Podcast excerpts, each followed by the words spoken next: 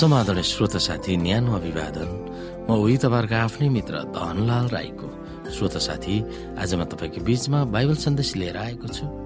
आजको बाइबल सन्देशको शीर्षक रहेको छ शैतानका आखिरी जालहरू भन्ने बाइबल सन्देशको उपसंहार।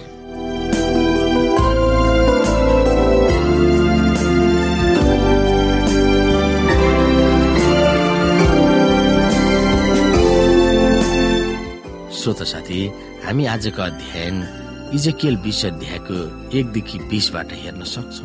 यहाँनिर लेखिएको छ हामी आफैले के पाठ सिक्न सक्छौ?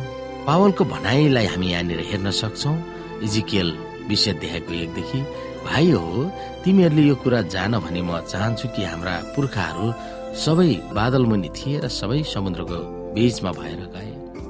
अनि मोसामा तिमीहरू सबैले बादल र समुद्रमा बत्तिसमा पाएका थिए। सबैले एउटै आत्मिक भोजन खाए सबैले आत्मिक पानी पनि पिए किनकि तिनीहरूका साथसाथै हिँड्ने आत्मिक चट्टानको पानी तिनीहरूले पिए। त्यो चट्टान चाहिँ ख्रिस्ट आफै हुनुहुन्थ्यो। तापनि तिनीहरूमध्ये धेरै जसोसँग परमेश्वर प्रसन्न हुनु भएन र तिनीहरू मरुभूमिमा नष्ट भए।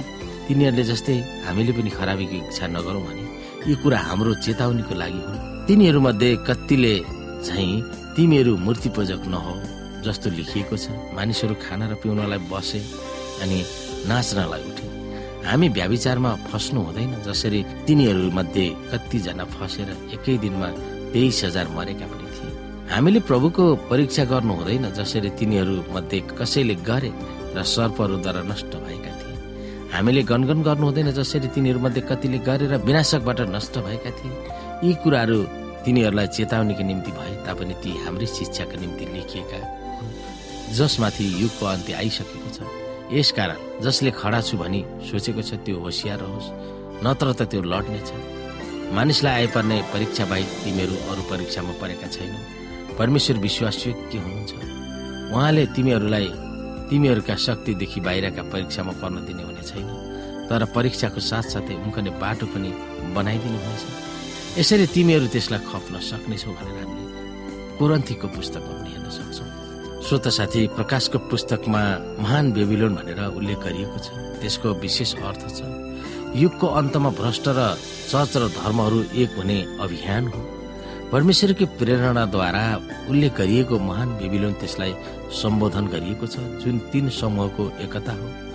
रोमन क्याथोलिकको पोपीय तन्त्र बाइबलबाट भ्रष्ट भएका प्रोटेस्टेन्ट चर्चहरू र विभिन्न आध्यात्मिक वाद वा दुष्ट आत्माहरूको चलखेल भएको धार्मिक समुदायका एकता भने गिरोहलाई पतित बेबिलोन भनिन्छ। बेबिलोन भन्ने शब्दले सङ्घ संस्थाहरू आफै र तिनीहरूका अगुवाहरूलाई जनाउँछ तर त्यसका सर्वसाधारण सदस्यहरूलाई इङ्गित गर्दैन। ती सर्वसाधारण मानिसहरूलाई धेरै पानीहरू भनेर प्रकाश सत्र अध्यायको एक र पन्ध्रले बुझाउँछ। मानिस अमर छ र आइतबार नै इसाई पवित्र दिन हो भन्ने महान दुई भ्रष्ट गलत शिक्षाहरूलाई जोडेर शैतानले मानिसहरूलाई आफ्नो जालमा पार्नेछन् मानिस अमर छ भन्ने शिक्षा बाइबल सम्मत नभएका धार्मिक वा आध्यात्मिक विद्याहरूको जग हो भन्ने आइतबारलाई पवित्र मान्ने धारणा रोमको उपिय तन्त्र प्रति राखेको मोहको उपज हो। पुरानो करारमा वा कतिपय अहिलेको धार्मिक गतिविधिहरूमा होस् उल्लेख गरेको अनुसार मरेकाहरूको आत्मालाई जगाउने भन्ने धार्मिक विश्वास बेबिलोन सभ्यताको एक प्रमुख भाग हो।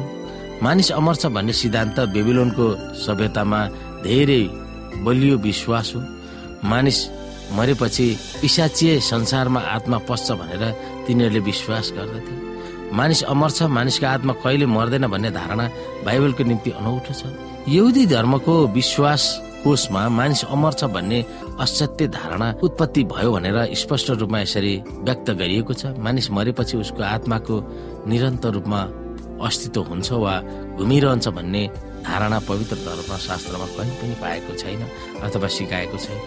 यहुदीहरूले पनि विश्वास नगरिएको मानिस अमर छ भन्ने धारणा तिनीहरूको सम्पर्क ग्रिक वा युनानी सभ्यतासँग भएको कारण हो। त्यो धारणा विशेष गरेर ग्रिक दार्शनिक प्लेटोको उपज हो।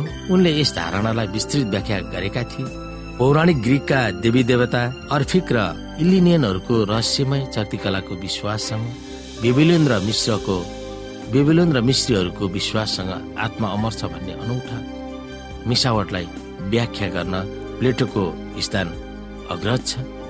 स्वत साथी मानिस मरेपछि के हुन्छ भन्ने सत्य ज्ञान किन निर्णायक रूपमा महत्वपूर्ण छ ती विषयमा हामी सोच्नु पर्दछ यसले हामीलाई कसबाट सुरक्षित राख्दछ? फेरि यो सान्त्वनादायक पनि छ? शैतानको कतिपय जालहरू हामी देख्न सक्दछौँ तर कतिपय रहस्यमय छन्। जे भए तापनि शैतानको कुनै पनि जालमा नपर्न हामीलाई होसियारी हामीले अप्नाउनै पर्दछ। इसाई सर्वसाधारण होस् वा धर्मगुरुहरू होस् आफ्ना दुष्ट कामहरू बाइबलको आधारमा परमेश्वरको इच्छा अनुसार चलेका छौँ भनेर विश्वास गरेका हुन्छन्। यसलाई हामीले कसरी बुझाउने? यसमा परमेश्वरको दश आज्ञाको भूमिका ठुलो छ। त्यो विषयमा हामीले मानिसहरूलाई दश आज्ञाले कसरी भूमिका खेलेको छ त्यो विषयमा हामी सोच्न सक्दछौँ।